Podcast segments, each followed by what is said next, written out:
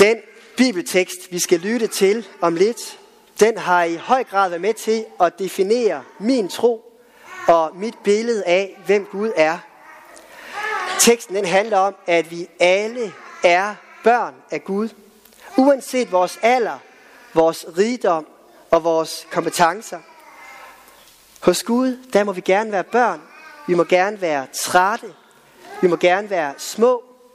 Hos Gud må vi gerne være dem, der kommer til kort og ikke kan mere. Noget af det, jeg særligt elsker ved børn, det er deres umiddelbare ærlighed. De lægger simpelthen ikke skjul på deres følelser. De skriger og græder, når de er kede af det. Og de smiler og griner, når de er glade. Og det samme gælder i vores liv med Gud. Hos ham er ingen følelser forbudt. Heller ikke de besværlige følelser. For hos Gud må vi være med alt, hvad vi er og føler. Hos Jesus er vi aldrig et forstyrrende element eller en kilde til uro. Nej, han tager imod os med dem, som vi er, og med det, som vi bærer på. Og nu må jeg gerne rejse jer og høre dette hellige evangelium, der så skrevet hos evangelisten Markus. Og de bar nogle små børn til Jesus, for at han skulle røre ved dem. Disciplene truede af dem. Men da Jesus så det, blev han vred og sagde til dem, Lad de små børn komme til mig. Det må I ikke hindre dem i, for Guds rige er deres. Sandelig siger jeg ja, den der ikke modtager Guds rige, ligesom et lille barn, kommer slet ikke ind i det. Og han tog dem i favn og lagde hænderne på dem og velsignede dem. Amen. Det her det er nok en af de bibeltekster, jeg har læst allerflest gange. Vi har også lige gjort det her til barndåben. Jeg kan vel teksten efterhånden ordret uden ad. Og jeg kan levende se situationen for mig. Jesus han er i færd med at undervise sine disciple. Der er både vigtige og komplicerede emner på dagsordenen. Jesus han har for eksempel lige talt om, hvordan man skal håndtere skilsmisse og dæmonbesættelse. Så disciplene de er helt opslugte af Jesu undervisning. Aldrig før har de lyttet til en, der kunne undervise med så stor myndighed og klarhed. Jesus har faktisk også lige to gange forinden forudsagt sin egen lidelse og død og opstandelse. Bibelen fortæller meget ærligt, at disciplene ikke rigtig forstod, hvad han sagde på det punkt. For det kunne vel ikke passe, at han skulle slås ihjel. Den der mand, der strålede af livskraft og visdom. De kunne ikke helt forstå det. Men det skræmte dem meget, så nu var de yderst opsatte på at lytte og suge alt den næring fra ham, de kunne få, så længe de havde Jesus hos sig. Men så kommer der min sanden nogle kvinder med deres små børn. De kommer ikke bare sådan diskret listende. Nej, de kommer brasende ind og vil have Jesus til at røre ved deres børn. Jeg kan da virkelig godt forstå, at de disciple bliver frustreret. Hvor er det bare forstyrrende og anmasende. Her talte de lige om nogle enormt alvorlige og følelsesladede emner, og så kommer børnene bare brasende ind. Børn, de er vidunderlige. Jeg elsker at tumle med børn og lege med børn. Men de kan simpelthen også bare være forstyrrende og anmasende. Og det afviser Jesus sådan set heller ikke. Men bibelteksten fortæller alligevel, at Jesus bliver vred. Og her har jeg lyst til at komme med en lille sidebemærkning til dig, der også har et stort temperament og af og til bliver ramt af vrede. For det er på ingen måde en forkert eller forbudt følelse. Selv Gud bliver også vred. Det er altså en helt legitim og rimelig reaktion på noget, der er skidt eller ondt. Næste skridt det bliver naturligvis at finde ud af, hvordan vi skal håndtere vores vrede, så den ikke overmander os. Så vi, så vi behandler den på en respektfuld måde.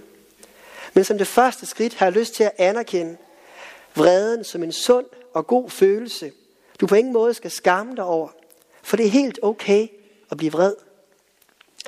Jesus han bliver vred i den her bibeltekst, og i rette sætter disciplene, fordi deres adfærd hindrer små børn i at komme til ham, til Gud. Og for mig står det som et opmærksomhedspunkt til os alle sammen. Er der en adfærd eller nogle traditioner, der aktivt eller passivt hindrer mennesker i at komme Gud nær, i at tage imod Guds rige i deres liv? Er der nogen tendenser eller snublesten i vores fællesskab, i vores måde at fejre gudstjeneste på, i vores aktiviteter, som hindrer mennesker i at komme Gud nær. Hvis du bliver opmærksom på noget, eller selv falder over noget, så vil jeg opmuntre dig til at reagere på det. Sig det endelig videre. For vi må aldrig blive så optaget af os selv, eller det vi plejer at gøre, at vi ikke er villige til at lade os forstyrre af det, der kommer udefra, uanset alderen og historien. Det kan faktisk godt være ret overvældende at komme herind og se så mange mennesker. Man kan let komme til at føle sig ensom blandt menneskemængden. Eller man kan blive bange for at være den, der nu forstyrrer og generer de andre. Så jeg har lyst til at sige til dig, at du skal tage det ubehag, du kan mærke, eller den skam, eller den vrede, du kan blive fyldt af. Tag den alvorligt, og så hør, når Jesus taler til dig. Du er ikke forkert. Du er okay.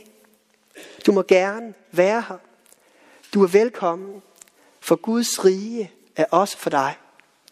I dag tager Jesus imod dig og giver dig sin velsignelse. For Jesus tog imod de forstyrrende børn, der kom. Han tog dem i sin favn, lagde hænderne på dem og velsignede dem. Og så fremhæver han de små børn som et forgangseksempel på, hvordan vi alle sammen kan tage imod Gud og Guds rige. Jesus siger ikke, at alle børn de er uskyldige, og han er ikke sådan en naiv romantiker. Det er ikke det, der er på spil. Men Jesus fremhæver små børns evne til at tage imod. For helt små børn, de tager imod i fuldstændig tillid. De kan simpelthen ikke andet. Det bliver så tydeligt, når vi også fejrer barndåb. Fordi de små børn ligger trygt der i mors og fars arme, og kan ikke andet end at tage imod. De kan protestere med deres ærlighed, og det må de gerne gøre, fordi de er børn. Og vi er alle sammen børn, der gerne vil protestere, når vi ikke forstår det. Guds gave bliver givet til de små børn i dåben, uden at de gør noget som helst selv andet end at tage imod. Og det er netop hele pointen.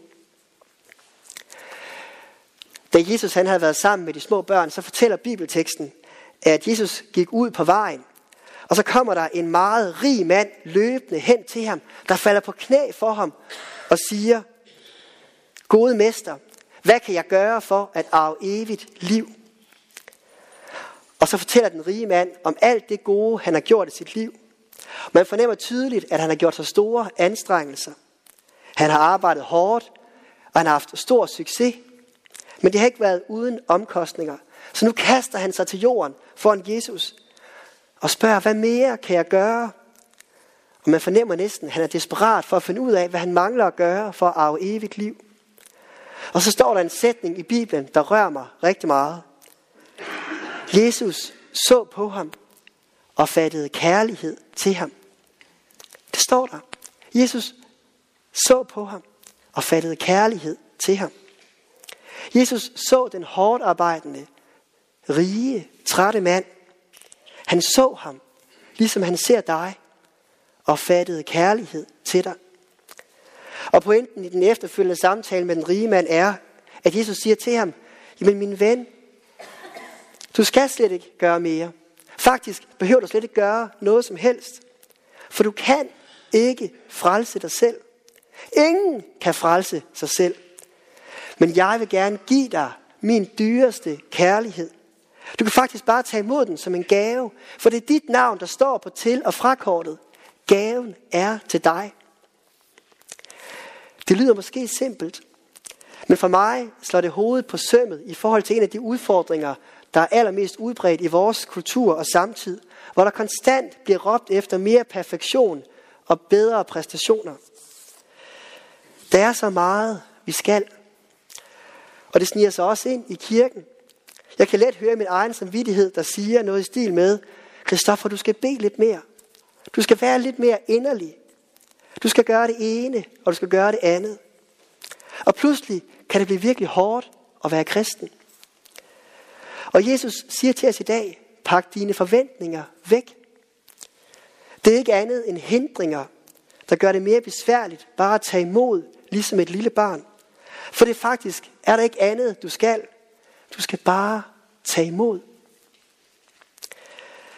Men hvordan er det så lige, at vi rent faktisk tager imod, så vi får vidshed om, at Jesu kærlighed også gælder i vores liv, og på det sted, hvor vi er, og med alle de streger, vi har trådt ved siden af. Svaret på det spørgsmål kan så lidt komme til at gøre det hele endnu mere kompliceret. Men jeg vil forsøge ved at bruge en grundregel, vi altid siger i forsvaret. Det bliver fremhævet igen og igen over for soldater, og den lyder sådan her. Hvis du er i tvivl, så er du ikke i tvivl. Og pointen er, hvis der bare er selv den mindste tvivl, så skal du selvfølgelig reagere på det, for så er der andre, der står klar til at støtte dig. Og hvis vi overfører den grundregel til troen på Jesus, så kunne vi sige, hvis du er i tvivl, så er du ikke i tvivl. For selvfølgelig gælder Guds gave også til dig på det sted, hvor du er, og med din historie. Jamen, jeg er da bare så træt. Jeg er presset. Jeg kan ikke mere. Jeg kan virkelig ikke bidrage med noget. Der kan være så mange indvendinger, vi kan blive fyldt af. Men Jesus ser på dig, fatter kærlighed til dig og siger, du må gerne være her. Kom til mig, som du er, for Guds rige er for dig. Jeg havde en episode for nylig, hvor jeg virkelig skammede mig. Det var mega pinligt, og jeg følte virkelig ikke, at jeg så særlig smart ud. Det skete nede midt i byen. Og lige da jeg havde dummet mig, så frøs jeg nærmest til is. I chok og pinlighed. Jeg var også lidt frustreret og vred over, at det var sket. Men jeg var simpelthen bare så pinlig ved situationen. For hvad må alle dem, der så det, jeg havde gjort, hvad må de tænke? Og hvad ville der nu ske? Jeg fik sagt undskyld til min søn, som det gik ud over. Det var ham, jeg havde dummet mig over for. Men jeg skammede mig stadig enormt meget over, at jeg var trådt ved siden af. Og jeg kan stadig mærke, at jeg får lidt ondt i maven, når jeg taler om det.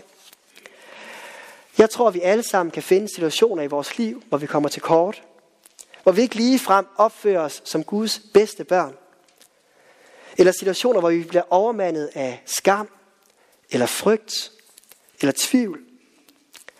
Men Jesus ser på os, fatter kærlighed til os og siger, kom til mig, som du er, for Guds rige er også for dig. Vi er lige trådt ind i et nyt år.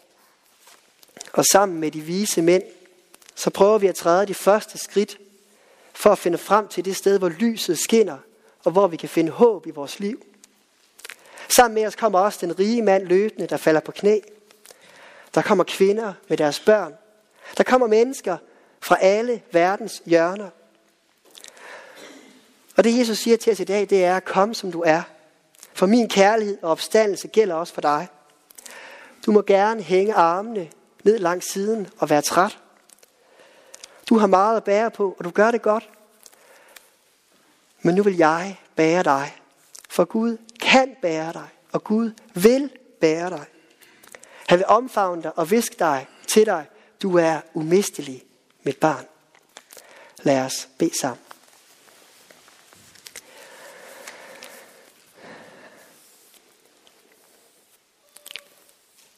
Herre Kristus, hjælp os til at gribe det under, at vi må være børn. At vi må være dine børn. Herre, du ved alt, hvad vi er fyldt af. Både det, der gør ondt i maven, det vi ikke forstår. Her takker vi må komme, ligesom vi er, og du tager imod os. At du ser os, fatter kærlighed til os, berører os og giver os din velsignelse. Her takker vi må være her under dit nådige blik. Ja, Herre, lad os mærke dine milde øjne i vores liv. Og lad os stråle af stolthed og glæde over dem, som du har skabt os til at være. Her takker vi bare om at tage imod dine store gaver. Og vi beder led os frelser ved din nåde, også når vi selv vil råde og vil gå vores egen vej. Sæt os, hvor vi bedst kan gavne, og lad os aldrig savne vidshed, at vi tjener dig. Og her vi giver dig tak og evig ære. Du som er fader og søn og helligånd. Du som var, du som er, og du som altid forbliver en sand treenig Gud. Højt lovet fra første nu og i al begyndelse og i al evighed. Amen.